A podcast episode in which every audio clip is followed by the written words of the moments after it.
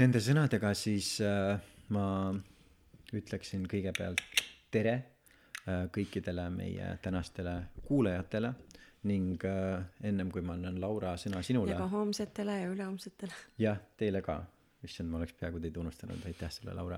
aga Laura, ennem kui ma annan sõna sulle ja enne enne kui..., mitte ennem, eesti keeles ei ole sellist sõna nagu ennem. on, aga ennem tähendab teist asja lihtsalt. ennem enne, seda ei ole olemas. ennem tähendab nagu pigem. Okei, sul on õigus, jah. Äh, ühesõnaga, aga nagu ma enne ütlesin, et enne kui ma annan sõna sulle, Laura, ja enne kui me saame alustada pidulikult oma selle aasta kõige esimest podcast'i ja olenevalt, kuidas arvestada ka esi-, selle kümnendi, sest on, eks ole, see igihaljas küsimus, et kas kahe tuhandendad algasid aastal kaks tuhat või aastal kaks tuhat üks, eks ole. Äh, aga ennem kui me kogu selle tühja tähe juurde jõuame, siis äh, ma sooviksin alustada ühe siis äh, lugeja kirjaga, mis paar päeva tagasi meieni jõudis ja, ja kui mina sa... ei ole seda varem kuulnud. sina ei ole seda, seda ei ole, sina ei ole seda varem kuulnud. Ja sellepärast ma mõtlesingi, on hea see otse-eetris ette lugeda, et näha sinu reaktsiooni sellele. Nii, kui kõik on valmis, kui kõik meid ilusti kuulavad, on maha sättinud ennast, siis äh, nende sõnadega ma alustaksin. poliitikas tuleb keeruliste olukordade lahendamiseks teha väga raskeid valikuid tegin täna väärtuspõhise otsuse astuda kujunenud olukorras Eesti Vabariigi peaministri kohalt tagasi. see otsus sündis nõupidamistes Eesti Keskerakonna juhatuse ja Riigikogu fraktsiooniga ning lähimate ametikaaslastega. Võimalikke lahendusi oleks kindlasti erinevaid, kuid õige tundus neist ainult üks. selle avaldusega on see koalitsioon lõppenud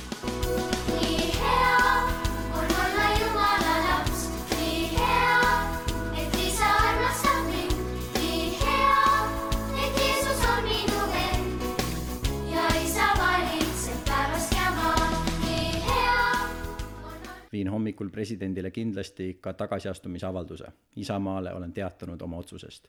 olen püüdnud kätte saada ka EKRE esimeest, aga on aru saada, et inimene magab. saatsin vastava sõnumi. Keskerakond arvestab võimalusega olla Eesti poliitikas nii opositsioonis kui ka koalitsioonis. ma arvan, et täna öösel neid otsuseid ei tehta.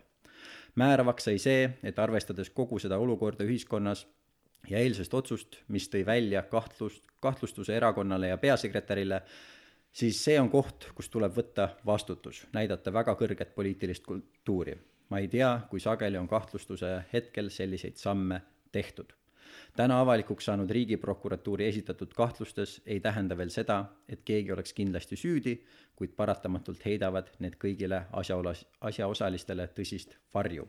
sellises olukorras tundub ainuõige, et annan enda tagasiastumisega võimaluse kõigile asjaoludele häirimatult valgust heita ja selgusele jõuda poliitilisele ja ühiskondliku rahu tingimustes. ja poliitilise vastutuse võtmisest hoolimata saan täie südamerahuga öelda, et ma pole peaministrina teinud ühtegi pahatahtlikku ega teadlikult vale otsust olen täna suhelnud nii riigi peaprokuröri kui kaitsepolitsei peadirektoriga, kes mõlemad kinnitasid, et neil pole minu suhtes kahtlustusi. valitsusjuhina ei tundnud ma ka Porto Franco kaasuses et ükski minister või erakond oleks püüdnud valitsuse langetatud otsuseid ebaseaduslikus suunas mõjutada.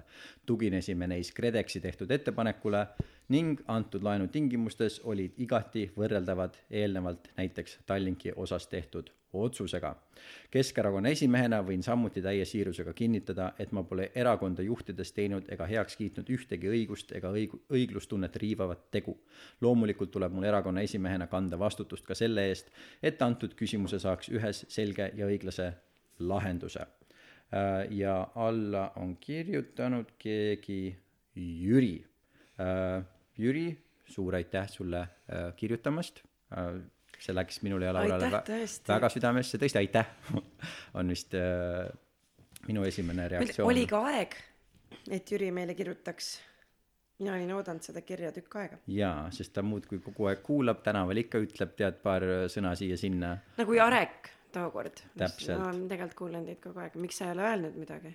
jaa, siin on. palju veel on neid kuul-, me tegelikult näeme ju statsidest palju teid on ja Jüri vist ei ole öelnud midagi veel selles group chat'is pärast võib-olla kirjutas seepärast me ei vasta kunagi nendele no ta grupi chat'is pärast veel kirjutas, et äh, erakond tuleb sellega toime, erakond kindlasti läheb siit edasi ja omab tugevat programmilist ja poliitilist platvormi. ja kui me räägime regionaalpoliitikast, sotsiaalvaldkonnast, hariduspoliitikast, olen jätkuvalt uhke, et Keskerakond täitis oma valimislubadusi. ah, siin on väike na- nali ka, mäletan, et see seitse eurot pensionitõusu, nüüd see aasta kakskümmend eurot erakorralist pensionitõusu, hariduse ja teaduse rahastus üks protsent me oleme näidanud väga tugevat toetust kohalikele omavalitsustele ja regionaalpoliitikale. mul on hea meel, et Eesti inimesed on hakanud tagasi pöörduma Eestisse käsu korras mida näitavad viimase neljakümne, nelja kuni viie aasta andmed, Eesti elanike arv kasvab. Ma arvan, et me oleme suutnud ühiskonnana, ühiskonna sidusust ja tugevust tegelikult ehitada päris palju, natukene meelevaldne, et inimesed tunneksid, et siin on turvaline elada ja siin on turvaline tagasi pöörduda. Ah, no aga viimasel pressikonverentsil mis oli siis eile tähendab vabandust neljapäeval äh, kus ju teemaks peaks olema tervishoiukriis majanduskriis mm, hakkas Martin Helme muidugi rääkima nendest asjadest mis tema on teinud mulle meeldiks ka olla kuidagi juhtiv poliitik ja siis rääkida eile hommikul ma rookisin lund ja pärast seda eh, tegin ma oma perele süüa ja pärast seda tegin ma kõik tuhat korda. Aga millegipärast mul ei ole seda võimalust ja see teeb mind natuke kadedaks. Ja sellepärast me alustasimegi podcast'i, et sul see võimalus lõppude lõpuks ometi oleks. Just.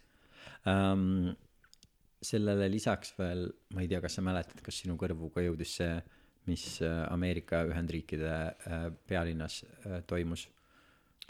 kui need um, see rave see rave. See rave, see rave. Sa mõtled see pidu? Burning Man. See Burning Man mis toodi nüüd lõpuks nagu kapitali. idakaldale. Mm. -hmm, mm -hmm. täpselt kui see on, jaa, muidugi on see on idakaldal, et um, sest muidu ta on ju oota ta muidu Nevada Jaa, Nevada muidu on- muidu on läänes, Nevada jah. on läänes on ju jaa. Okei okei ma oh, rohkem läänes kindlasti. et äh, keegi, siis kui meil oli aastavahetus, siis üks äh, sõbranna näitas. oota aga tegelikult Nevada on vist keskel või no ta on selles mõttes, et ta on pigem ikkagi seal äh, nagu. Nevada ei ole osariik ju. rohkem on, Nevada on- on osariik kindel või ja aga ta on siis täiega keskel ju mina ei taha veel magama jääda geograafiatund. no geograafia kusjuures ma sain geograafia eksami vist kolme aa, no Min- siis, aga siis räägi edasi tahangi sinu käest teada kus Nevada asub ta on pigem ikkagi läänes. pigem läänes aga pigem Jaa. keskel ju no Ei. ei ole California selles mõttes ei ole California, aga siis, kui nad äh, lähevad, kui inimesed sõidavad Burning Manile, siis nad piinlik. sõidavad Californiast nende asjadega, asjadega lihtsalt nagu alla, ta on natuke rohkem keskel kui California, aga California on mere ääres, raske on olla rohkem läänes kui California. või isegi Ja- sama palju läänes. aga okei okay. ma vabandan meie kuulajate ees aga kuhu Mul ma tahtsin kuhu ma tahtsin jõuda, on see, et siis, kui me aastavahetust pidasime äh, väga turvaliselt, siis äh, üks sõbranna just näitas Zoomis. Tä- täpselt. Näitas telefonist äh, pilti sellest, kuidas seal Rimi põrandatel on need kleepsud, et kaks tuhat kakskümmend sind ei jää küll mitte keegi taga nutma, mis oli minu arust väga naljakas. aga nüüd olles erinevate inimestega äh, rääkinud, kuulanud, mida inimesed mõtlevad ja teinud ka äh, Fotograafika podcast'i jaoks selle viimase lühiseeria, mis just täna välja tuli või siis reedel äh, hilisematele ütle siis kohe ära kus seda kuulata saab seda saab kuulata Fotograafiska Tallinna Spotify'st või kodulehelt, Põmm. mille nimi on Fotograafiska Tallinn. lõpeta aga et ühesõnaga, et inimeste, tundub, et mõnele inimesele ikkagi on jäänud kuidagi selline mulje, et äh, see põhjus, miks äh, kõik see kaos ja katastroof toimus, ei olnud mitte sellepärast, et maailm oleks lihtsalt oma loomulikus nii-öelda selles äh, arengus äh, või siis taandarengus sellisesse kohta jõudnud, vaid sellepärast, et aasta kaks tuhat kakskümmend on lihtsalt üks sitt ja crazy aasta ja siis, kui see aasta läbi saab, siis järsku kõik muutub jälle hästi äh, normaalseks ja ilusaks. ja nüüd meil on kaks nädalat seda äh, salvestamise ajast siis kaks nädalat seda aastat olnud. Ja üsna, üsna korraliku üsna korraliku selle nagu stsenaariumi saaks juba selle põhjal nagu mingi kaks pool tundi materjali saaks kindlasti juba kokku. no mina arvan et äh, mm, oota mul tuli vahepeal lihtsalt see mõte et üle pika aja päriselt selle saate ajaloos ma ma joon päriselt teed kui me oleme selle üle äh, palju nalja teinud, aga ähm, ma tahtsin hoopis öelda seda, et äh, jah, mis siis sellel aastal nagu veel varuks on, on ju.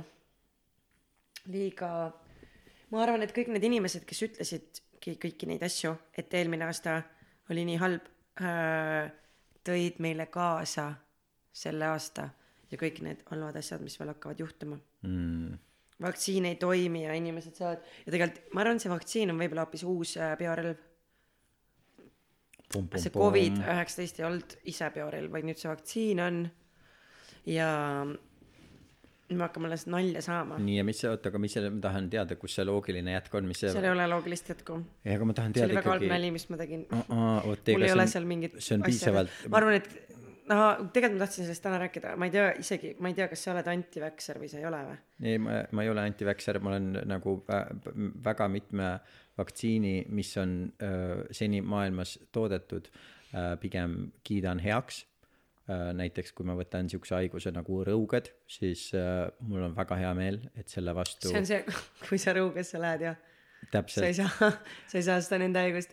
et, et. issand, ma tegin, kas mul..., kas oli tunda, et see on sinu nali, mis ma just tegin? Äh, nagu minu tüüpi nali või ma natukene on küll äh, ja nüüd ma saan aru, miks keegi ei naera kunagi sihukeste naljade peale. just, ma peegeldan seda siin ennast. jaa, ei, et ühesõnaga, et on kindlasti palju vaktsiine, mille äh, kvaliteeti ja tõhususse ma usun.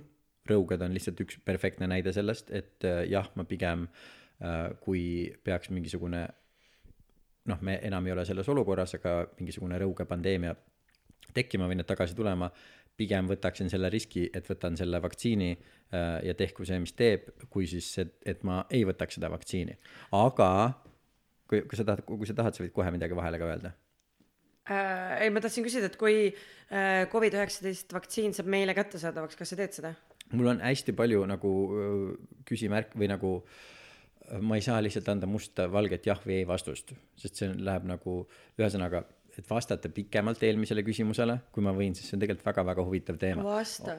on see, et äh.... ma lihtsalt ütlen vahele ära, muidu ma unustan ära, et mina teeks ja ma arvan, et riigid peaksid tegema eh, vaktsineerimispassi kohustuslikuks, et inimesed ei saa reisida, kui neil ei ole vaktsiini. see on kõik, räägi. okei okay. uh,, nii et äh, laias laastus paljud vaktsiinid, mis on leiutatud, ma näen, et need on leiutatud nagu väga tugeva eesmärgi päraselt äh, toiminud üsna efektiivselt ja toonud maailma palju head äh,.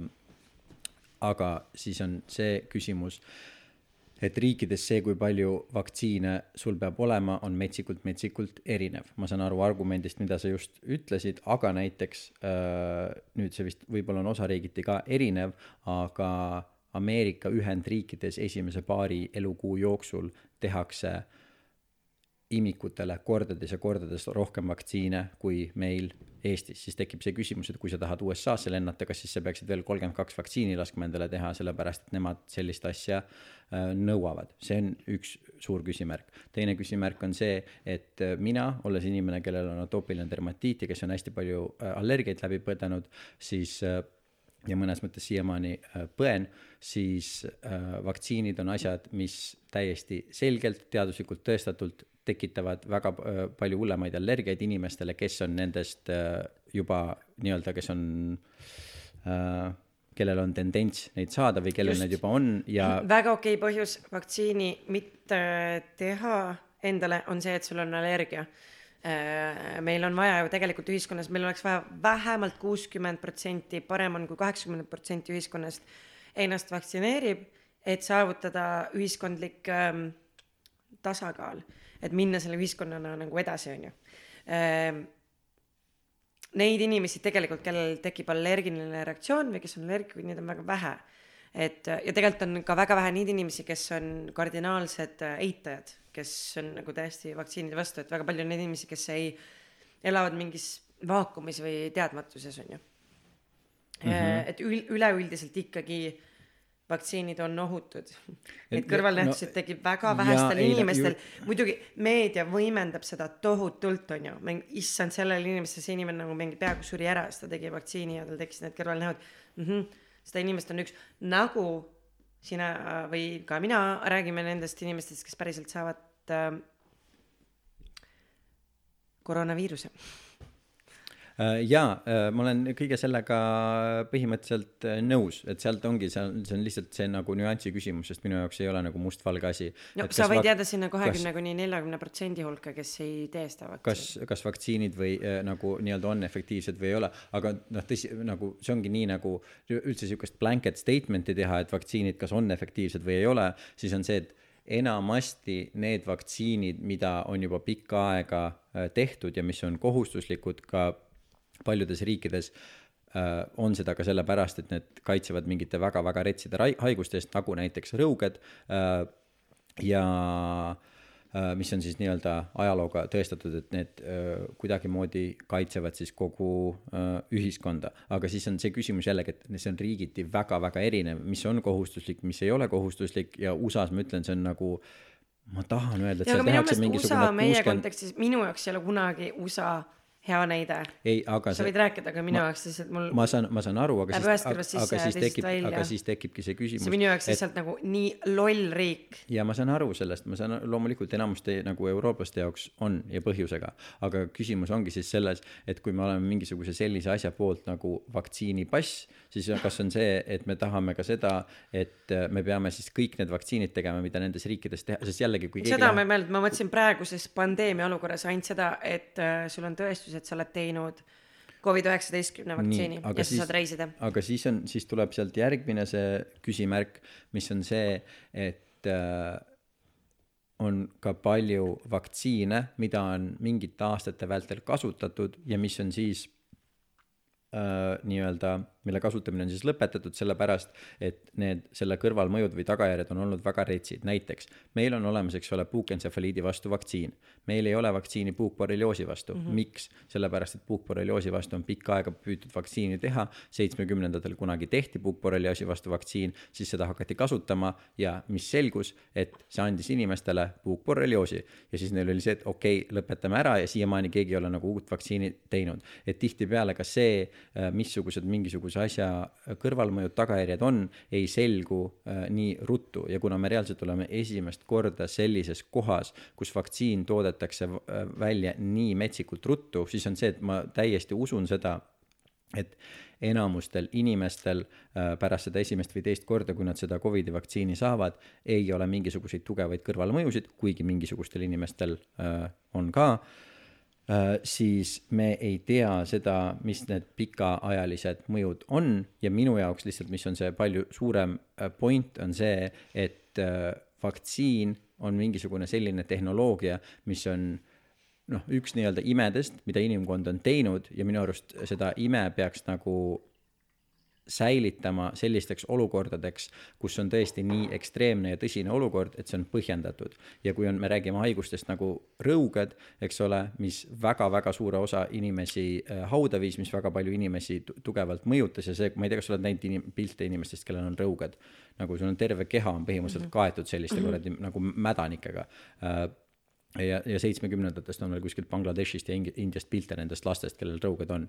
et nagu minu jaoks vaktsiin on sellise nagu väga tõsise olukorra väga tõsine lahendus, aga kui me räägime mingisugusest nii pehmest asjast, nagu see Covid-19 on, siis minu jaoks kogu see effort, mis on sinna pandud, see, et maailm on aastaks ajaks seisma pandud, et see on lihtsalt liiga no,. see on teine teema kui vaktsiin. ei no see on selle, selles mõttes ei ole, sest kui, kui oletame, et meil tuleb äh, järgmine aasta, ülejärgmine aasta, viie aasta pärast või kümne aasta pärast mingisugune haigus, mis on sama sama surmav äh, ja sama ebameeldiv nagu on Covid-19.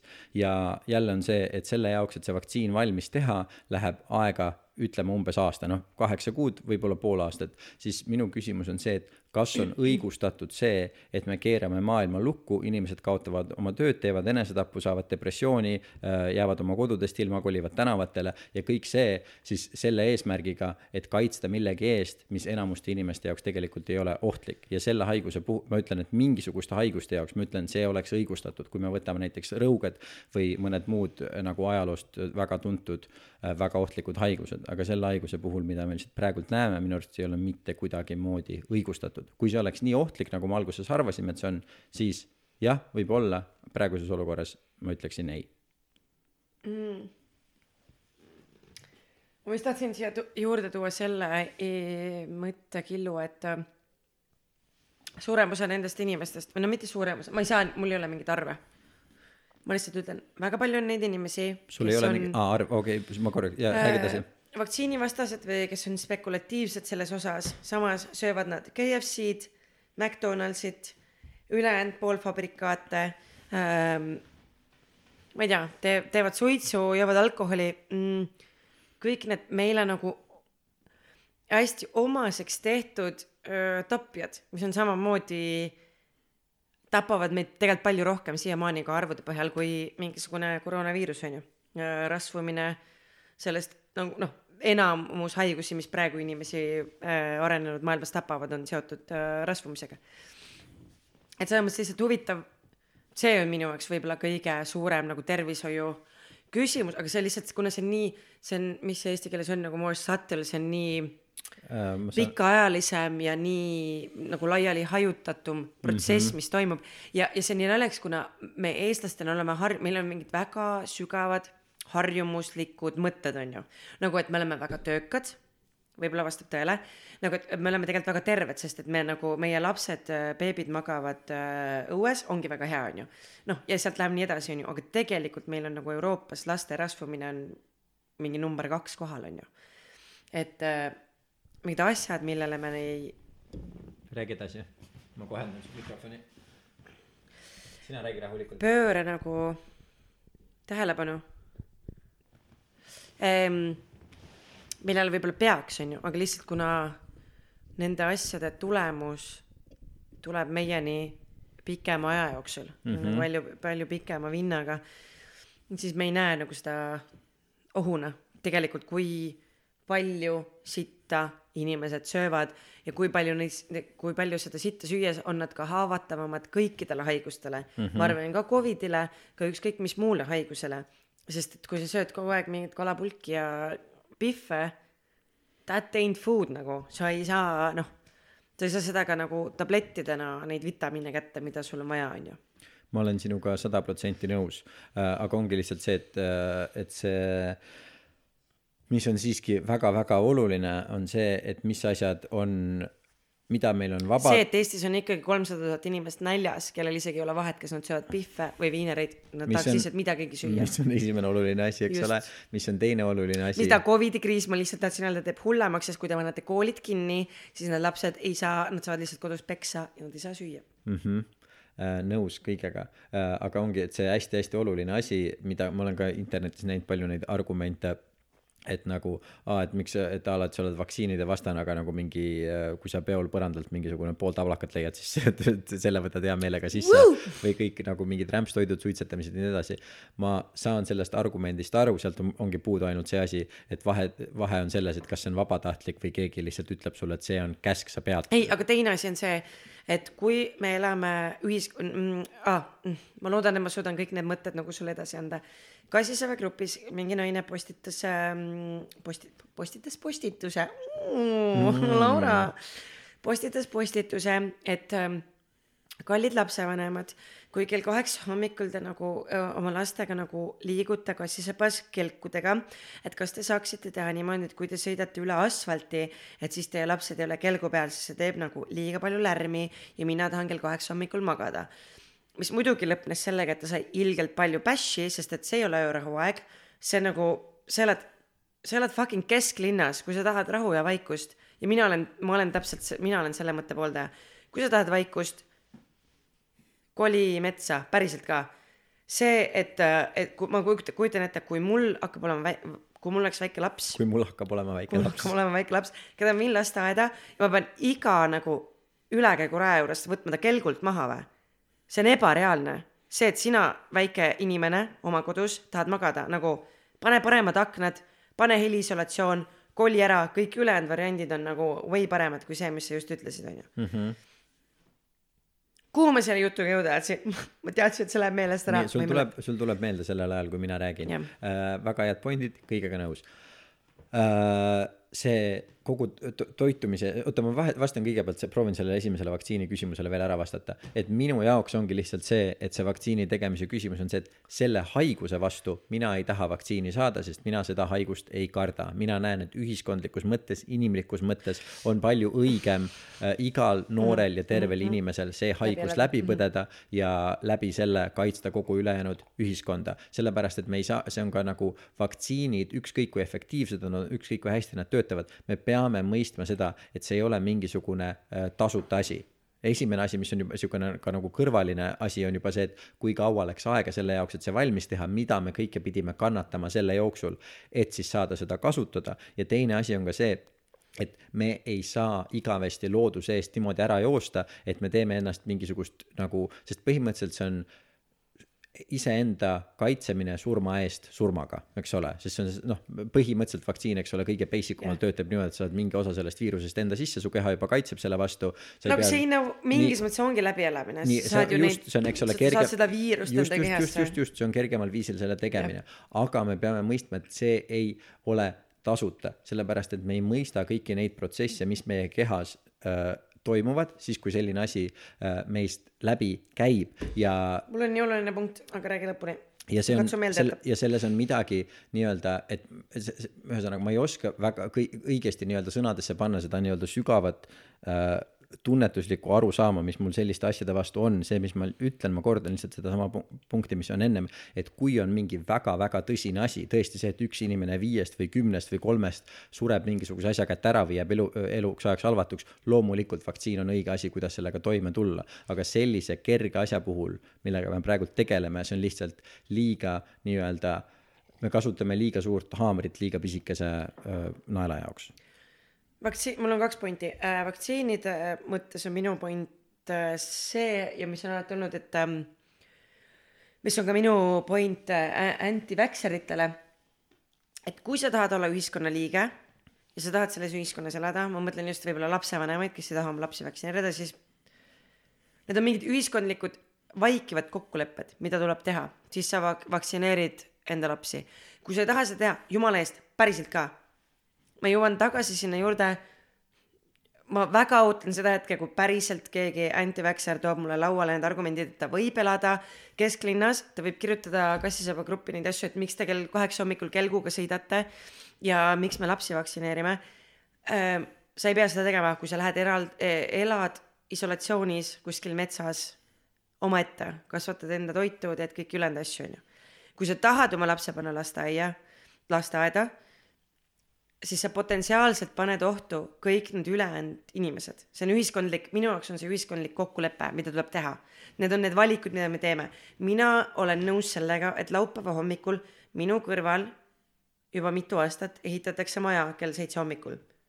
jube, jube kõva lärm on, suvel ma tahan magada aken lahti ma ei hakka kaebekirju esitama kuskile ja saatma, et nagu miks täitsa perses, miks te, miks on lärm, kui ma tahan magada kella kaheteistkümneni suvel, kui ma olen töötu, mõttetu lohh ja ma olen eelmine õhtu joonud kella kuueni hommikul, onju. ma tahan mm -hmm. magada. ma ei tee seda, sest et ühiskond ei käi minu pilli järgi ja ei peagi käima nagu. meil on mingid reeglid nagu öörahu ja see on sellest väljas, onju. see oli mu esimene point. Äh, ja teise pointi sinu õnneks ma unustasin ära. väga hea uh väga hea, sul tuleb meelde see. Äh, ühesõnaga te, teine point vaktsiinide kohta, võib-olla me oleme kunagi varem ka lahanud seda, aga mis on nii, nii, nii, nii oluline, mis jäetakse sellest diskussioonist alati välja, sest on jällegi vaktsiini pooldajad, vaktsiinide vastased. enamused vaktsiinid, mida meie ühiskonnas äh, kasutame, mis on äh, sündides meile tehtakse või enne seitsmendat või mis iganes neljateistkümnendat eluaastast, enamused nendest on äh, kaitsevad mingite väga raskete asjade vastu, on enamasti tõhusad ja enamustele inimestele äh, ei põhjusta mingisuguseid raskeid kõrvalnähte. probleem tekib sellest, et inimesi on nii palju nii erinevaid ja kui isegi üks inimene miljonist saab mingisuguse vaktsiini kõrvalnähu, nagu mul oli Austraalias äh, sõbranna ja kolleeg, kelle ema sai mingisuguse eluaegse närvikahjustuse äh, vaktsiini äh, pärast. kui on näiteks mingisugune selline asi ja tõesti neid imikuid ja neid lapsi on, kuigi neid on tõesti väga-väga-väga-väga vähe, kes saavad vaktsiinidest mingisugused kõrvalmõjud. kui sul on selliseid inimesi, kui sul on mingi asi, eks ole, üks miljonist, siis sul on maailmas üle kümne miljoni, viis, viisteist, kuusteist, seitseteist kuni kakskümmend, ma ei tea, mida miljonit inimest, kellega on selline asi juhtunud. ja kui äh, meediast ja kirjandusest, arstidelt ja teadlastelt tuleb seda, et ei, et vaktsiinid on ohutud, vaktsiinid on ohutud, aga sul on üle maailma juba miljoneid ja miljoneid inimesi lihtsalt sellel põhjusel, kui palju meil inimesi kokku on kelle, kes kas ise või kelle lapsed on vaktsiinide pärast kannatada saanud, aga seda täielikult eiratakse, siis ongi see, et meil on neid erandeid kokku. arvan? oota, neid, neid, neid erandeid on kokku nii palju ja keegi nii-öelda ei tunnista neile seda, et jah, siuksed asjad võivad juhtuda, me peame sellega tegelema, siis on paratamatu see, et need, need inimesed saavad nad saavad pahaseks ja nad saavad kurjaks ja neil on niisugune tunne, et neid ja ma saan juba aru, aga siis äh, mõtle selle peale sihuke mõte lihtsalt, et see on kommunikatsiooni probleem. kuna teadlased ja arstid väljendavad seda nagu see oleks okei okay,, sest nende jaoks see ongi okei okay,, sest sul jääb alati veaprotsent äh,. mitte keegi ei saa kunagi öelda, et äh, mingisugune süst või mi, mitte ühtegi ravimit ei ole maailmas olemas, mis oleks sada protsenti okei okay,, on ju. Need on ainult mingid pseudoravimid, ma mäletan lapsena, kusjuures ma olen mõelnud selle peale viimasena lapsena, kui oli kõhuvalu, siis anti sihukest rohtu nagu allahool. kas sulle ei antud või?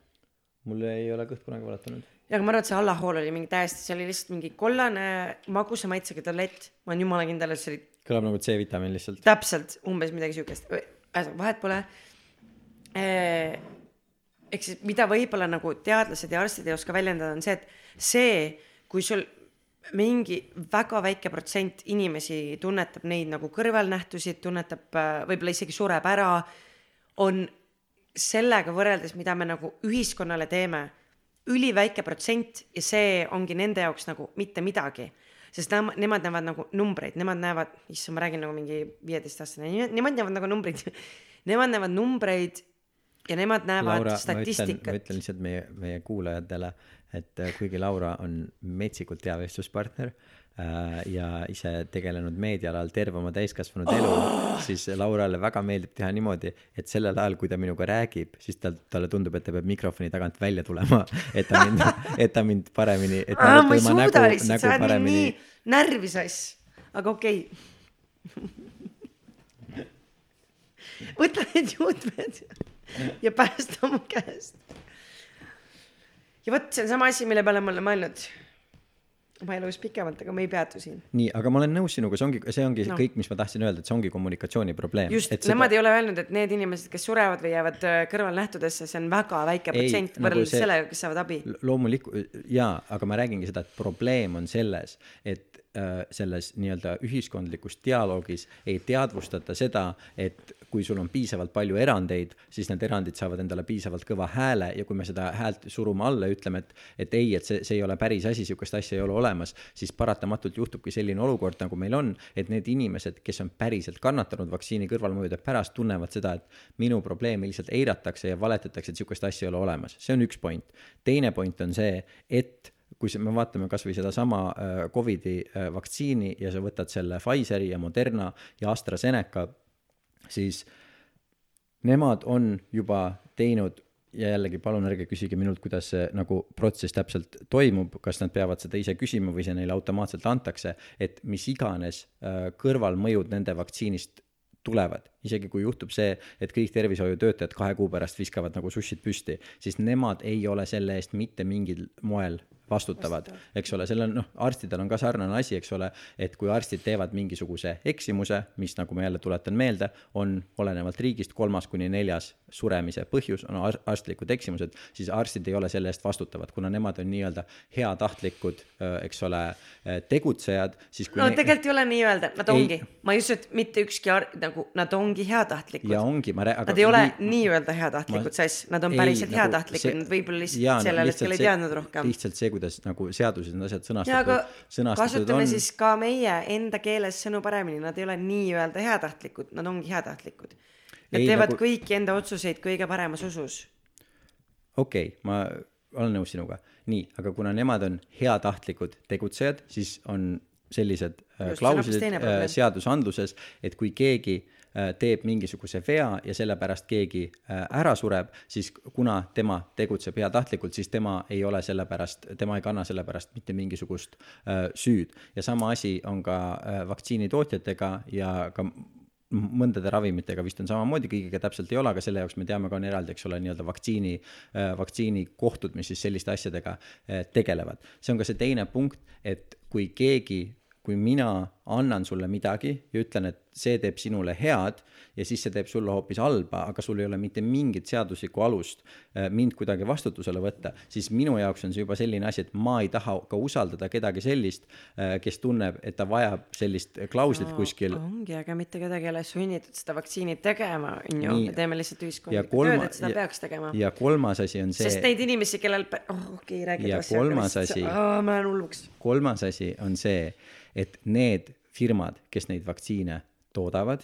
ja muidugi need on äriettevõtted, muidugi need teenivad sitaks kasumit. mitte lihtsalt seda, aga see, et nagu kõikidest firmadest, keda kõige rohkem kaevatakse kohtusse, kes on kõige rohkem miljardeid pidanud maksma sellepärast, et nad on inimestele tekitanud eluaegseid haigusi, puudeid. ja aga äh, ütle mulle, kust peamiselt need kaasused tulevad, kas need tulevad USA-st, kus sa saad põhimõtteliselt igasuguse asja pärast, miks meil on nagu label'id, et see võib sulle tekitada äh, ma ei tea, mis iganes asju toodete peal lihtsalt sellepärast, et USA seadused on sellised, igasugune, me peame vaatama neid asju selles mõttes laiemalt, milline on seadusandlus, mida seadus ütleb, mille pärast sa üldse saad kellegi peale kaevata. Eestis seda nii palju ei saa teha, kui USA-s saab. muidugi me oleme ravimifirmasid mm, saanud ühiskondlikult, maa-, globaalselt kohtusse kaevata ja nad on ka kaotanud metsikult. Need on mingid äh, sellised näited pärast, mida on tulnud miks meil on kõrvalnähtudest nagu selline nimekiri, mis on pool meetrit pikk, pärast kõiki neid kohtu case'e, et seal tuuakse välja, et sul võib olla väike peavalu, keskmine peavalu, kõrge peavalu, sellepärast et keegi kaebas kohtusse, et tal hakkas pea valutama. labane näide, aga nii see on, nii see on, USA seadusandlus on selline. no selles mõttes, et see ei ole päris niimoodi.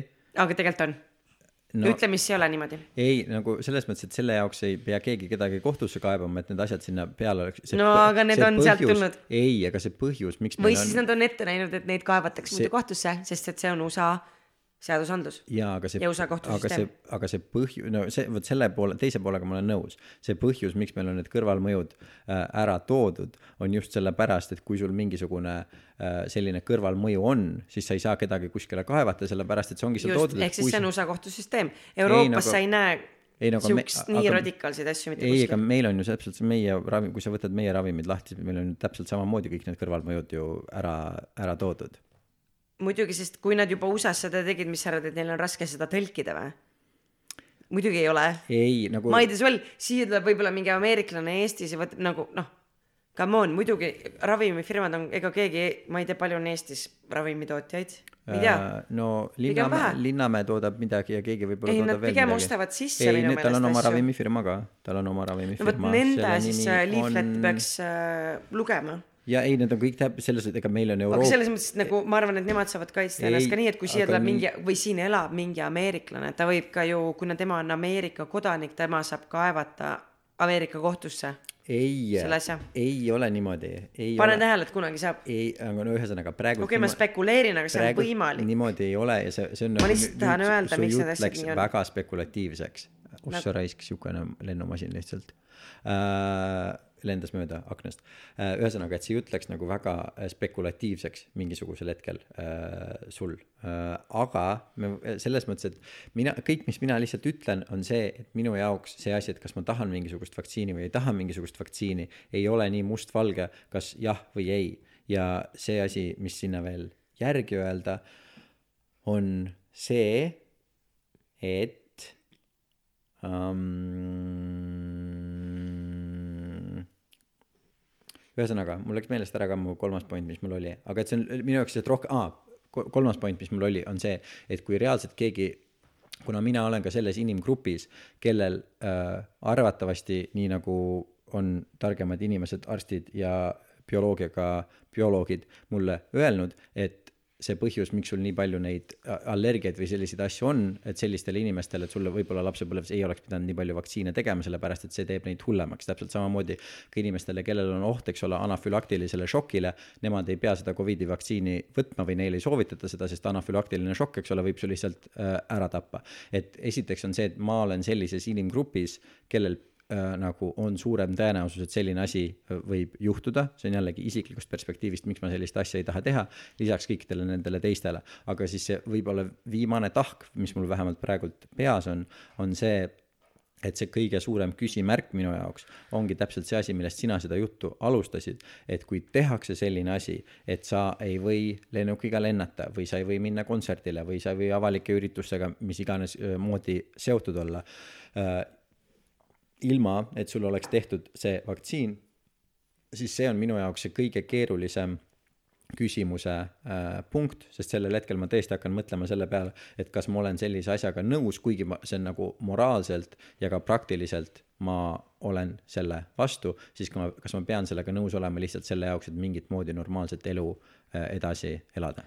Alati on võimalik äh, nendest asjadest saada vabastus, kui sul on allergiline reaktsioon, siis ilmselgelt sa ei pea tegema äh, vaktsiini ja teine asi, mis ma tahtsin öelda, et kõigest on võimalik ennast terveks mõelda.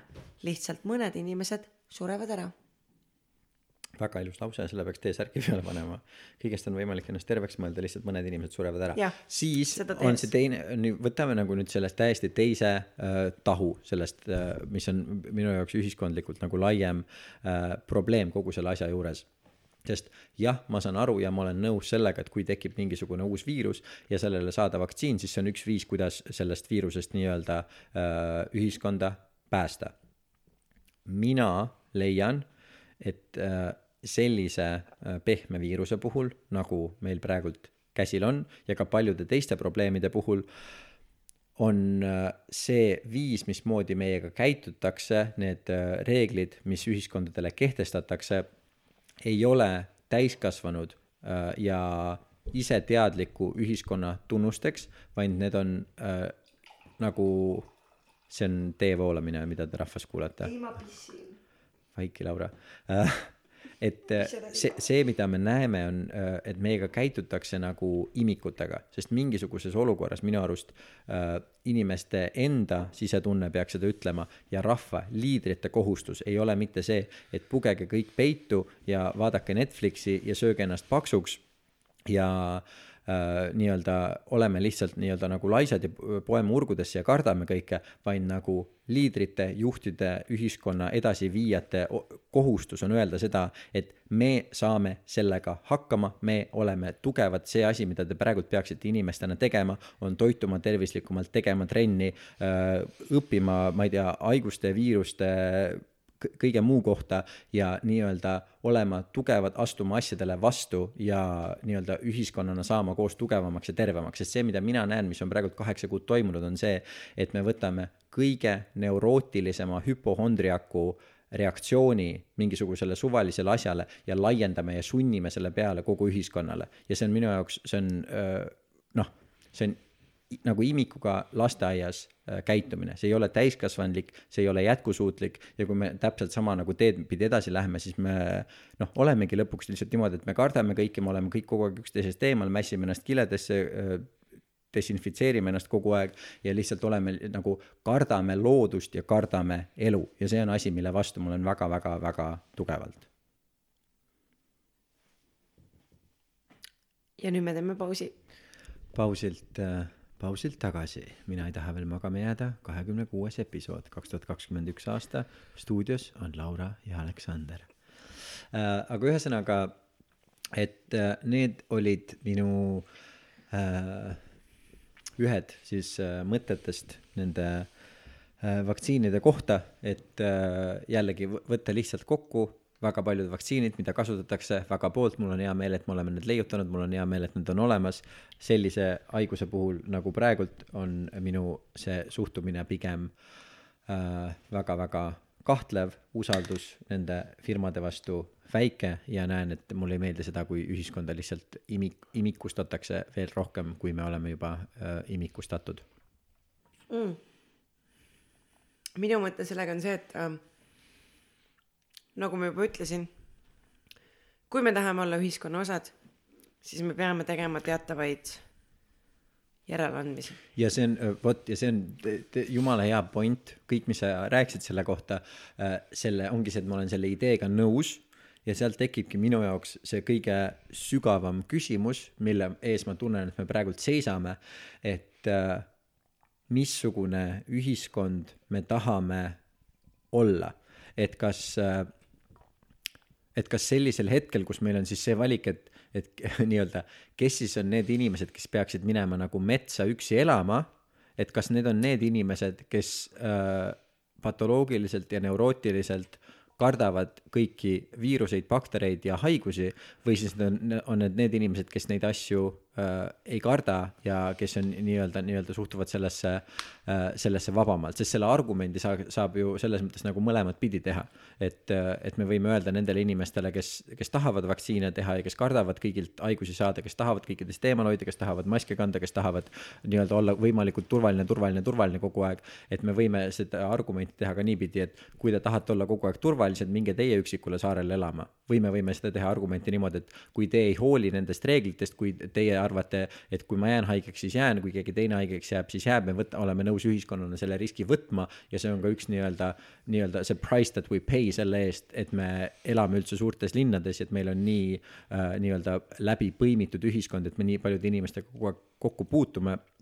et, et siis ka, kas see on hoopis see mismoodi me nii-öelda tahame edasi elada. Ja see on ka noh, üks asi, mis mul on viimasel ajal mitu korda pähe tulnud, kuna me oleme igasuguste mõttetute refer-, referendumi küsimustega tegelenud, et äh, äkki meil peaks olema referendum hoopis sellise asja kohta, et kas me tahame olla ühiskond, kes võtab vastu mingisugused haigused ja raskused, kui nad tulevad ja murrame nendest läbi või me oleme selline ühiskond, kes nii-öelda äh, kaitseb ennast nende eest võimalikult palju ja, ja võtab siis selle, selle riski ja selle vastutuse, et me oleme nõus kõikide nende tagajärgede, kogu selle hinnaga, mida me oleme viimased äh, siis kaheksa-üheksa kuud maksnud selle eest, et proovida ennast selle eest kaitsta. mõistad? enam-vähem, ma olen ka, nagu sa tead, ma ei ole selle hinnaga nõus, mis me oleme tegelikult äh, ühiskonna lukku panemine näidanud, et ei too häid tulemusi oleme selles nagu väga ühel lehel, on ju. ma, ma ei arva, et koolide kinnipanemine on õige mm,. me oleme sellest juba rääkinud ähm,.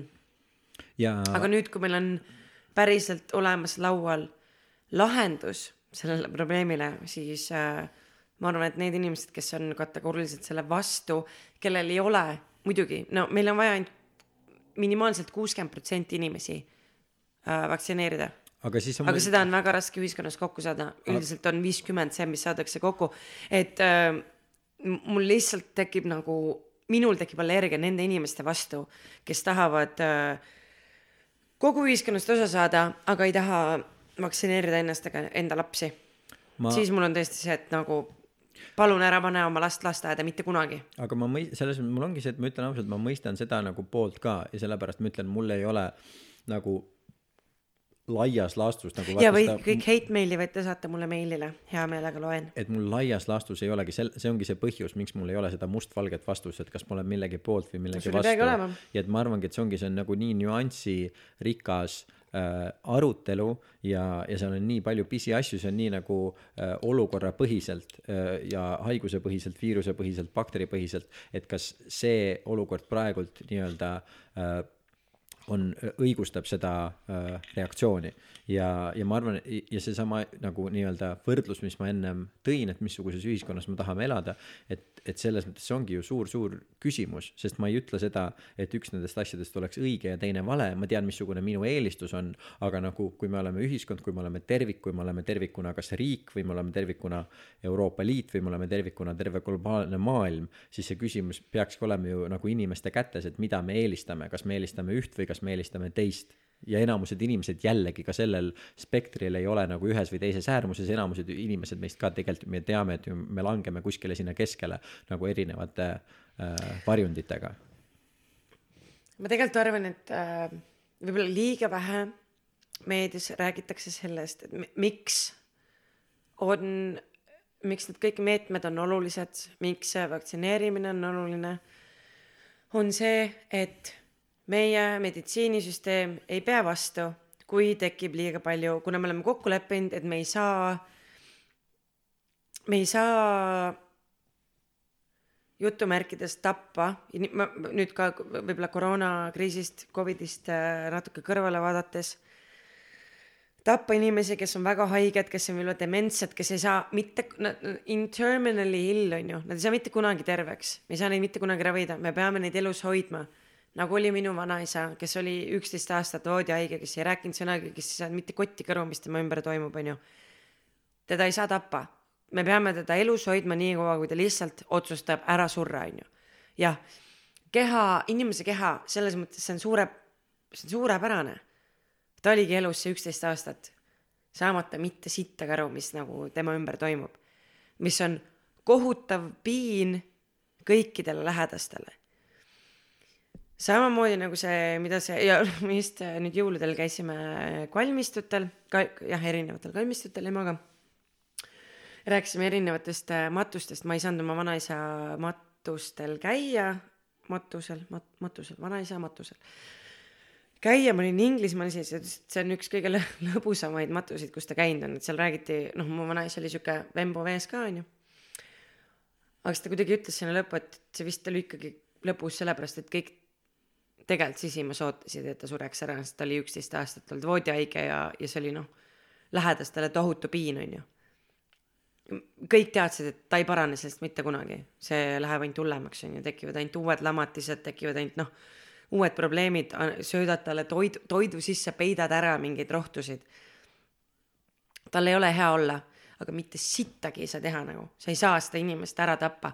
üksteist aastat, see on fucking pikk aeg, et inimest lihtsalt elus hoida. mille nimel nagu mm? -hmm. see väga palju paneb nagu mõtleme selle peale, et mis see elu siis on nagu. ilmselgelt mitte see nagu. see ei olnud see elu, mida minu vanaema tahtis, mida tema lapsed tahtsid, mida tema lapselapsed tahtsid, nii edasi, ilmselgelt ka mitte see, mida ta ise tahtis, on ju. üksteist aastat ta seal oli, on ju. Äh, ja Covidiga seoses see on täpselt nagu minu meelest seesama nagu circle, et me kuidagi peame hoidma elus neid inimesi ja me peame neid hoidma nende hingamisaparaatide all ja me, kuna me oleme selle süsteemi ehitanud, kus me peame neid inimesi elus hoidma, siis sellel alusel meie meditsiinisüsteem ühel hetkel kukub kokku, kuna neid inimesi, keda me peame elus hoidma, on liiga palju. aga see on jällegi sihuke ühiskondlik kokkulepe, ma tean, mina ega sina ei ole sellele alla kirjutanud, mitte keegi meist ei ole sellele alla kirjutanud, et me nagu tahaks selles ühiskonnas elada, aga selle vastu me oleme saanud väga palju teisi asju. ja see on lihtsalt see ühiskondlik kokkulepe, e, millega me nagu kaudselt oleme nõus olnud, millega me peame leppima.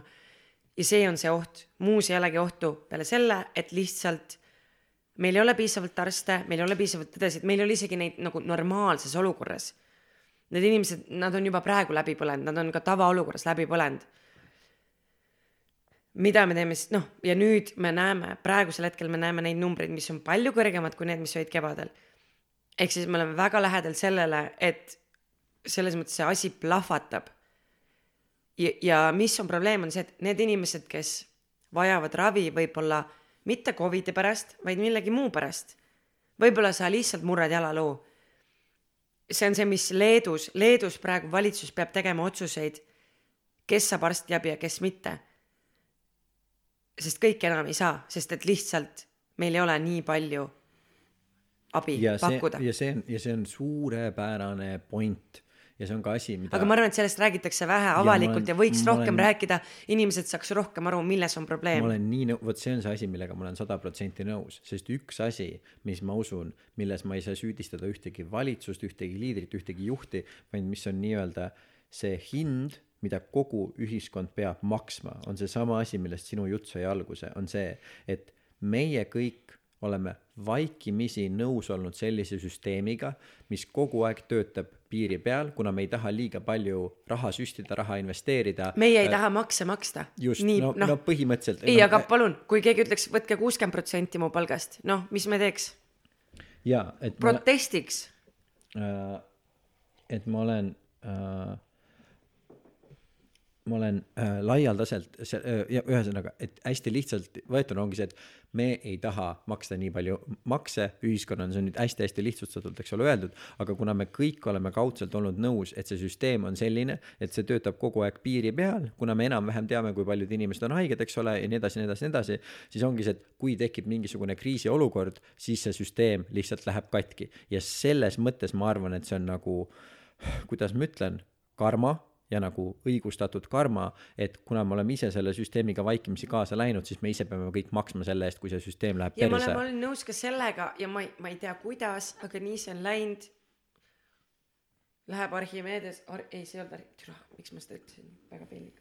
see oli see teine vend. Aristoteles, Archimedes ah,, Archimedes, Hippokrates, Hippokrates just, oh my god. ma loodan, mu ema ei kuule seda, ühesõnaga, et me ei saagi, me oleme leppinud kokku selles väga kaudselt, et meil on vananev ühiskond. me oleme leppinud kokku selles, et meil on kõigil nii palju vabadust mitte saada lapsi, mitte tekitada uusi maksumaksjaid. ja pikendada lõputult eluiga, mitte tervelt elatud aastaid, aga et, et me suudame elus hoida nii paljusid inimesi, kes tegelikult noh, võib-olla isegi nad ise võib-olla isegi ei taha elus olla mm -hmm, võib-olla mm -hmm. juba väga pikalt, aga Ja- seal ei ole mitte mingit ja, valikut. ja see on ja vot, vot ja see ongi minu jaoks, see on see appi kui piinlik, mis sa valesti ütlesid. ei ole, see on see diskussioon, mida, mis ma, mida ma tegelikult tahaksin ühiskonnas näha. mina, mina tahaksin näha diskussiooni selle teemal, et mismoodi me õpetame inimesi väärikalt surema. mismoodi me õpi-, õpime äh, ühiskonnana väärikalt saatma mööda, mööda oma viimaseid aastaid, mismoodi me õpime ühiskonnana ja inimesena äh, väärikalt siis te- vastu võtma väga-väga raskeid otsuseid ja väga keerulisi otsuseid, sest see, mida ma praegult näen, on see, et me lihtsalt väldime otsuste vastuvõtmist, on seesama, et mitte tervelt elatud aastaid, vaid lihtsalt surma eemale peletamine, ükskõik kui mitme masina küljes sa oled, ükskõik kui mitu aastat, nagu jälle ma just rääkisin oma vanaemaga pikka aega, Michael Schumacher on kuus aastat, varsti seitse aastat olnud koomas ja teda hoitakse masinate küljes. ma ei tea, kas tõesti on keegi, kes äkki ellu. kes arvab, et on mingisugune võimalus, et ta mingisuguse normaalse elu kunagi saaks tagasi. Va-, vaevalt, eks ole, aga aga lihtsalt see, et me teeme seda, sest neil on need ressursid olemas, maksta iga aasta nagu miljoneid, et ta haigla muut-, ta kodu muuta haiglaks, et lihtsalt hoida nagu mingisugust nagu õhku selle inimese sees, mis on see, et nagu mille arvelt, mille pärast, miks me selliseid asju teeme. mina nagu, ma, ma ütlen, ma tean, et mina olen sellistes äh, asjades võib-olla ekstreemsemate vaadetega kui enamused inimesed, aga nagu mina tahaks näha seda, kuidas nagu ühiskond või inimesed võtavad selle vastu, vastu selle otsuse, et äh, ma tahan õppida olema inimese kõrval sellel hetkel, kui ta sureb. ma tahan seda, et kui min-, minu perekonnast keegi inimene ära sureb, siis mul ei ole vaja ei äh, kiirabi ega arste ega matusebürood selle jaoks, et seda inimest ära matta äh,. me võime surnud, surnukehi ise äh, puudutada, kui sinu perekonnast keegi ära sureb, sa saad talle ise riided ära vahetada, sa saad ise ta no et see on osa elust. just, et see on osa elust, aga vaata, me oleme tekitanud sellise ja ühiskonna, tead kus, mina arvan, et seda äh, ristiusk on toonud meile selle. eestlastena olime paganad, siis ei olnud äh, see mingi probleem ega küsimus, see on tulnud äh, ristiusuga, et see muutub kõik kuidagi meist suuremaks. noh, et nagu järsku nüüd äh, on see meist suurem, aga ei ole tegelikult. no just, ja see, et me kardame, kardame surma nii, nii, nii, nii, nii, nii väga lihtsalt, et me oleme nõus ükskõik mida tegema, et sellest nagu ennast, lapsed kardavad äh, jõuluvõna. et ennast, no täpselt põhjusega. no tegelikult ju et Need on needsamad asjad, asjad, mida me ei näe mingis mõttes, me ei näe, me ei tea, mis saab pärast surma, me ei näe seda, me ei tea seda. me kardame seda, mitte mõelda, et lihtsalt see on elu osa, see lõpeb ära ja see on väga okei okay. Ja seal on teine väga nagu sügav ja tähtis äh, point ka, mida sina jälle ennem äh, tõstatasid, on see, et äh, nii-öelda, mida me ühiskonnana aktsepteerime ja mida me ühiskonnana ei aktsepteeri ja millega me läheme kaasa ja millega mitte. ja siis on see, et sellisel vaata hetkel, kus äh, kus tekib selline asi, et meditsiinisüsteem on üle äh, koormatud ja riik peab nii-öelda otsustama, valitsus peab otsustama seda, kelle nüüd vanaema, kelle sugulane, kelle sõber, kelle vend, kelle tütar, kelle laps elab, sureb. siis see tekitab minu jaoks selle väga-väga-väga-väga sügava küsimuse, et kuidas me oleme ühiskonnana jõudnud sellisesse kohta, kus inimesed on nii suure osa oma elust äh, usaldanud äh, valitsuse ja mingisuguse väikese inimgrupi kanda. et kas see jällegi, kas see tekitab mingites inimestes sellise äh, nii-öelda arusaama või sellise küsimuse, et äkki me peaksime kõik perekondadena, isikutena, lapsevanematena, äh, laste, poegade, tütardena võtma vastu selle otsuse, et me suudame ise suuremal määral iseenda elu ja tervise eest hoolt kanda. Et ei oleks sellist olukorda, et kui ma olen haige, siis ma saan abi ainult siis, kui riigi poolt määratud arste on piisavalt palju, et minu eest hoolt kanda. nojah, selles mõttes see on laiem, ah see on nii lai teema, millest me oleme nii palju rääkinud. see algab kõik toidust, seda ütles juba seesama vend Hippokrates. Let the food uh, be thy medicine, noh. kui ja, ja see hakkab, miks on, mil-, mi-, miks nagu keskklass tihti ei saa aru, et miks me peame nii-öelda vaesemaid inimesi aitama järjele, on ju.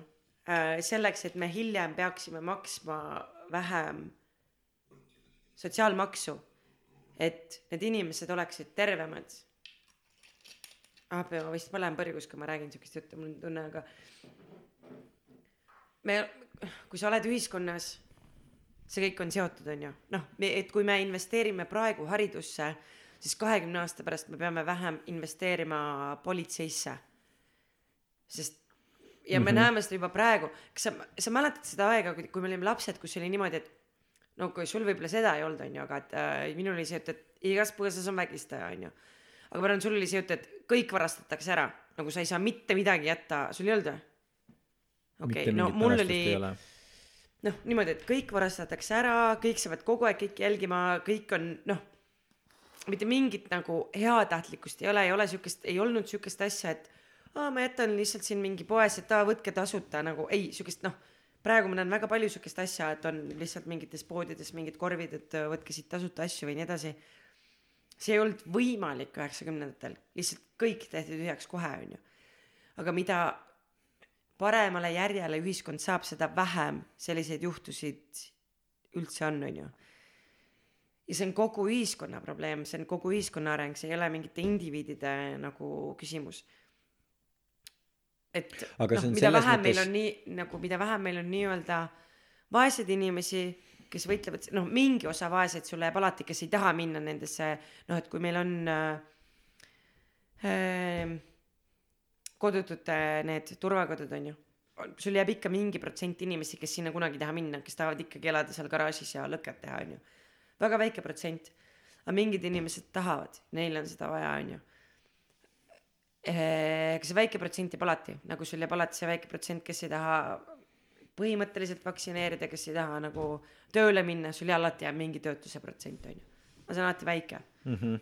ja see, see asi, mis sa ütlesid, et äh, ühiskonna äh, nii-öelda probleem, mitte üksikindiviidi probleem, et selles mõttes, et ma arvan, et see üksikindiviidi probleem on nagu selles mõttes, et jällegi see on ikkagi üksikindiviidi nii-öelda otsustada, et millele ta ütleb jah ja millele ta ütleb ei. et kui see ühiskond mingil hetkel liigub sinna, et aa, by the way, meie meditsiinisüsteem töötab ainult korralikult siis, kui mitte mingit suurt jama ei tule. sest kui see peaks tulema, siis see läheb perse ja sellel hetkel peaks üksik indi-, indiviidid olema need, kes on nagu see, et oot-oot-oot-oot-oot-oot-oot, ma ei ole sellega nõus, ma ei ole nõus, et nagu et me nii nii-öelda selle lühikese lõa otsas oleme, et kui kõik läheb perfektselt edasi, siis, siis on kõik, kõik korras, aga kui ei lähe, siis, siis, siis mitte. et selles mõttes äh, ja praegult ka ükskõik mis teemast me räägime, olgu see vaktsiinid, maskid, äh, reisimine, üksteisest eemal hoidmine, lähedal hoidmine, ükskõik kus kohas sa selle nagu äh, spektri peal oled, siis see küsimus ongi selles, et see on, see on nagu üksikindiviidide nii-öelda öelda ja otsustada, et kuhu poole ma tahan, et ühiskond suunduks ja kuhu poole ma tahan, et ta ja ei suunduks. kogu ühiskond, mitte nagu, et ma arvan, et indiviidina me peame aru saama, et me ei saa, kui see just ei ole selles ühes protsendis, on ju, millest noh, neid on üks protsent, neid on väga vähe. selleks, et nagu jõuda kõrgemale, sul on vaja kogu selle massi kõrgemale jõudmist mm. -hmm. sa ei saa üksinda jõuda ühiskonnas nagu paremale, kui see ei ole sellest ühest protsendist. ehk siis miks me peame aitama järgi kõiki neid nagu ülejäänud inimesi, miks meil on vaja vähem kodutuid, miks meil on vaja vähem, ma ei tea, noh, inim-, inimene ei lähe, neid inimesi, kes lähevad lõbu pärast varastama, on noh, marginaalselt vähe. Minu esimene tüdruk ja täpselt, noh, et need on nagu, ei, aga neid on, on ju, kellel tõesti pakub see mi- noh, aga neil on mingi muu häire selles mõttes, et nad on saanud liiga vähe head Varastada. seksi. Liiga vähe head seksi või ma ei tea, mingit muud pinget, on ju, mida neil oleks vaja, aga keegi ei lähe lõbu pärast, ütleme niimoodi, ütleme reaalselt- niimoodi, et keegi ei lähe lõbu pärast varastama. see, see subtle burn, mis sa tegid, võttis nii kaua aega, et ma sain alles hiljem aru, mida, missugune burn see tegelikult oli. mis sa ütlesid minu mm. -hmm. esimese tüdruku kohta. Well done, well done. ehk siis, aga see on meie ühiskonna kanda, me ei taha, ma ei taha, et mind röövitakse kodus. Ma ei taha, et sind röövitakse kodus, ma ei taha, et mu ülejäänud naabreid röövitakse Mina..., see on selles mõttes ühiskonna probleem, ma ei taha, et kellelegi murraks keegi sisse see, koju, sest et see on nagu ka emotsionaalne probleem, on ju. seda mulle korra kodus tehtud, see oli fucking õudne, noh, ma ei taha, et see juhtuks mitte kellegagi mm. -hmm. aga inimesed ei tee seda lõbu pärast Mm -hmm. Nad ei ole hedonistid, kes on mingi, jõin pitsi viina, nüüd tahaks, kuule, lähme proovime kellegi korterisse sisse murda. Never Mm -hmm. Neil on neil on midagi puudu elust mm. Mhm. näiteks raha. mitte Jaa. et me peaks kõigile raha andma, aga proovime neile anda tööd nagu, proovime neid nagu tuua ühiskonda tagasi. jaa, no selle kõigega ma olen nii, nii, nii, nii nõus, siis kui sa enne rääkisid, mul tuli meelde, et see, mis ma lapsepõlvest mäletan, on see, et inimesed ütlesid, et Taanis äh, inimesed ei pane oma uksi lukku, kui nad kodust äh, välja lähevad. ja sa oled mingi what the fuck. sest mitte keegi ei varasta Just, nagu sest pole vajadust. just, et tänaval sa ei pane oma jalgratast Jah. lukku ja nagu kõik, kõik sellised asjad siukseid asju ma mäletan küll meil oli ikka nagu mingi pane kahe lukuga oma ratas kinni, mis sest, et see maksab kakskümmend eurot nagu. Äh, igaks juhuks pane ikkagi. ma elasin äh, New Yorgis ja New Yorgis oli reaalselt niimoodi, et äh, inimene sõidab kohviku ette jalgrattaga, ta paneb ketiga oma jalgratta kas äh, lenksust, raamist või jalgratast, eks ole, posti külge, tänava posti külge kinni ja siis, kui ta läheb välja, siis ainult see osa, mis ta on ketiga kinni pannud, on seal, et kõik muud jupid on küljest ära varastatud Noh. ja see juhtub nagu reaalselt nagu kahekümne minutiga, viie minutiga, mis iganes, et see käib lihtsalt nagu aga ma mul on tunne, et me unustame meie ühiskonnas liiga kiiresti ära, et minu arust üheksakümnendad oli Eestis täpselt samasugune ja täna ma kuulasin uudiseid üle pika aja. Mul on jälle see periood, kus ma nagu olen välja lülitanud ennast uudistest, sest see on liiga negatiivne. et see oli alles üheksakümne esimene aasta Eestis, kui kahe mehe vaheline nagu üldse realisatsioon, et kaks, kaks meesterahvast võivad olla suhtes, oli seaduslik, ehk siis see ei olnud enam ebaseaduslik. no Nõukogude oli Liidus alles- see oli illegaalne jah just, aga see oli mujal maailmas täpselt samamoodi ma tean, aga see on tegelikult alles mm. -hmm. täpselt samamoodi on alles see, et nagu kui sa jätad, sa ei saa minna poodi osta jäätist niimoodi, et sa lähed rattaga poodi, jätad selle lihtsalt poe ette niisama. Never. nagu see on kohe läinud nagu, see on võib-olla mm -hmm. poolteist minutit, kui sa ostad jäätist. aga see on läinud, no ma valin jäätist ikka natukene kauem kui poolteist no kaks minutit maks. no oleneb mis valik neil on no kui türa on- siis tee, tee kui kiiremini. neil on Magnum äh, Ben and Cherry's ja sellel ajal ei olnud Magnumit neil- ma tean olemas. vanasti siis ei olnud ühtegi sul oli olemas järekatt kaks. ja ma tahan lihtsalt et inimesed teaksid et siis kui mina New Yorgis elasin kaks tuhat üksteist lõpp kuni kaks tuhat kaksteist algus siis kui toimusid Occupy Wall Street äh, rahutused siis äh, Ben and Cherry äh, jäätisefirmast kas Ben või Jerry ise tuli äh, sinna Occupy Wall Streetile oma selle jäätise autoga, nad olid seal platsi keskel ja pakkusid tasuta jäätist ja üks nendest kahest mehest, ma ei mäleta, kumb see nendest oli, ise oma käega andis mulle jäätist, mis ta ise oli välja mõelnud. Dreams do come true. I know, right?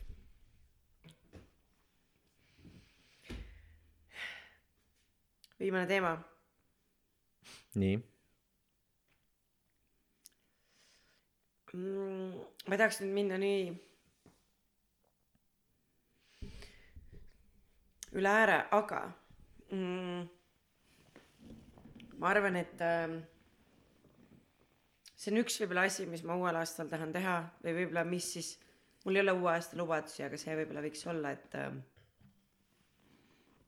kuigi see on mul iga aasta ja tegelikult iga päev, iga nädal. olla rohkem tänulik selle eest, mis on, sest me oleme, meil on kõik väga-väga-väga hästi. ka selle kriisiga on meil kõik väga-väga-väga hästi, me, meil võiks olla ja no see ei ole isegi mõõdupuu, et meil võiks olla halvem, aga on meie esivanematel olnud halvem, on ülejäänud maailmas inimestel praegu halvem. ma olen lihtsalt väga tänulik, et mul on kõik see, mis mul on ja. E, ja see paneb ka noh, on andma teistele rohkem. E, mina annetasin Toidupangale.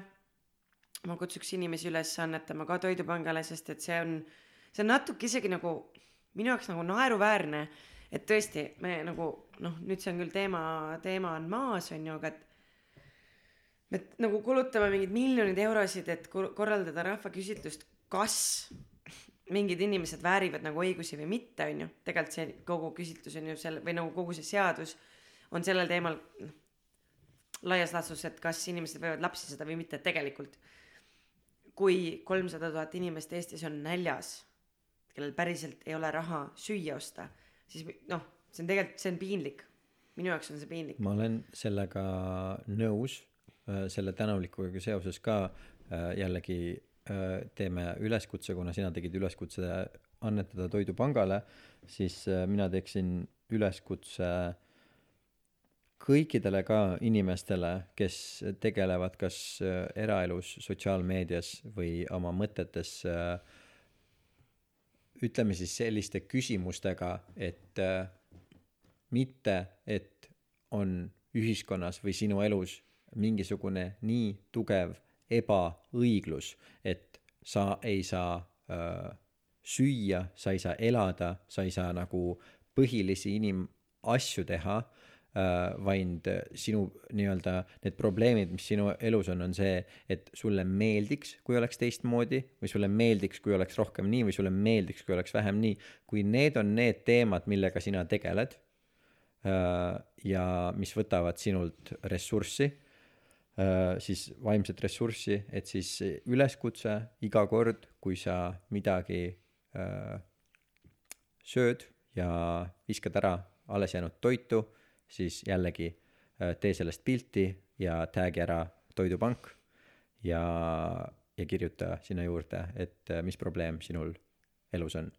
Äh, ja see tuletab, tuletab mulle meelde ühte asja ka, mis, mis New Yorgis juhtus, kus ma nägin, kuidas üks, üks naine tänaval, kellel ilmselgelt, kes nägi välja nagu rikas ja jõukas ja edukas naine, protesteeris ühe väga absurdse asja vastu, mitte et see ei oleks asi, mis oleks täiesti tähtsusetu, sellel on tähtsus, aga lihtsalt äh, ta protesteeris millegi vastu ja kõik, mida mina nägin, oli see, et sinu elu on lihtsalt nii hea ja nii mugav ja nii lihtne, sa ei ole mitte kunagi pidanud mõtlema selle pärast, kus sa saad süüa või kas sul on koht, kus magada, et sa raiskad oma aega selle peale või kulutad oma aega selle peale, et nii-öelda võidelda mingisugust täiesti mõttetut võitlust. ja sellega seoses ma jällegi tuletan meelde seda, et Laura, sina mäletad väga hästi kindlasti seda, kuidas üheksakümnendatel ja kahe tuhandendate alguses äh, oli väga palju juttu nälgivatest lastest Aafrikas ja nälgivatest lastest äh, Indias ja meie eluaja jooksul nälgivate laste ja nälgivate inimeste probleem suudeti peaaegu põhimõtteliselt lahendada. kuni praeguseni. kui, kui pandeemia hakkas pihta, me rääkisime ka sellest podcast'is, pandeemia mm -hmm. esimese nagu mingisuguse kuu ajaga oli Nigeerias kakskümmend miljonit inimest näljahäda äärel, eks ole, Jeemenis oli juba enne seda kriis pihta hakanud, see läks veel hullemaks ja oli veel umbes üheksa-kümme erinevat riiki, enamasti Aafrikas, kus äh, toiduahelate tarnete nii-öelda katkemise tõttu väga kiiresti tekkis väga-väga suur probleem. see oli esimese kuu ajaga mõnikümmend miljonit inimest ja äh, siis enne jõule ÜRO ütles, et praegult on kakssada seitsekümmend miljonit inimest, kes on näljahäda äärel ja nagu sina enne mainisid, meie enda riigis, eks ole, neid inimesi, kes elavad alla nagu normaalse elatustaseme, on nii, nii, nii metsikult palju tegelikult nagu väga suur protsent kogu meie elanikkonnast ja isegi arvatavasti kõik, kes seda kuulavad, on selles mõttes jällegi täpselt, me oleme üks protsent nagu yeah. maailma ajaloos null koma null üks protsenti maailma ajaloos, eks ole, kellel on nii hästi, kellel on nii lihtne, isegi kui meil on elu läinud raskemaks selle pandeemia ajal, siis meil ei ole ühtegi nii-öelda tegelikult maist asja, mille üle viriseda. ja neid inimesi, kellel on, on nagu nii, nii, nii, nii, nii metsikult palju, et äh,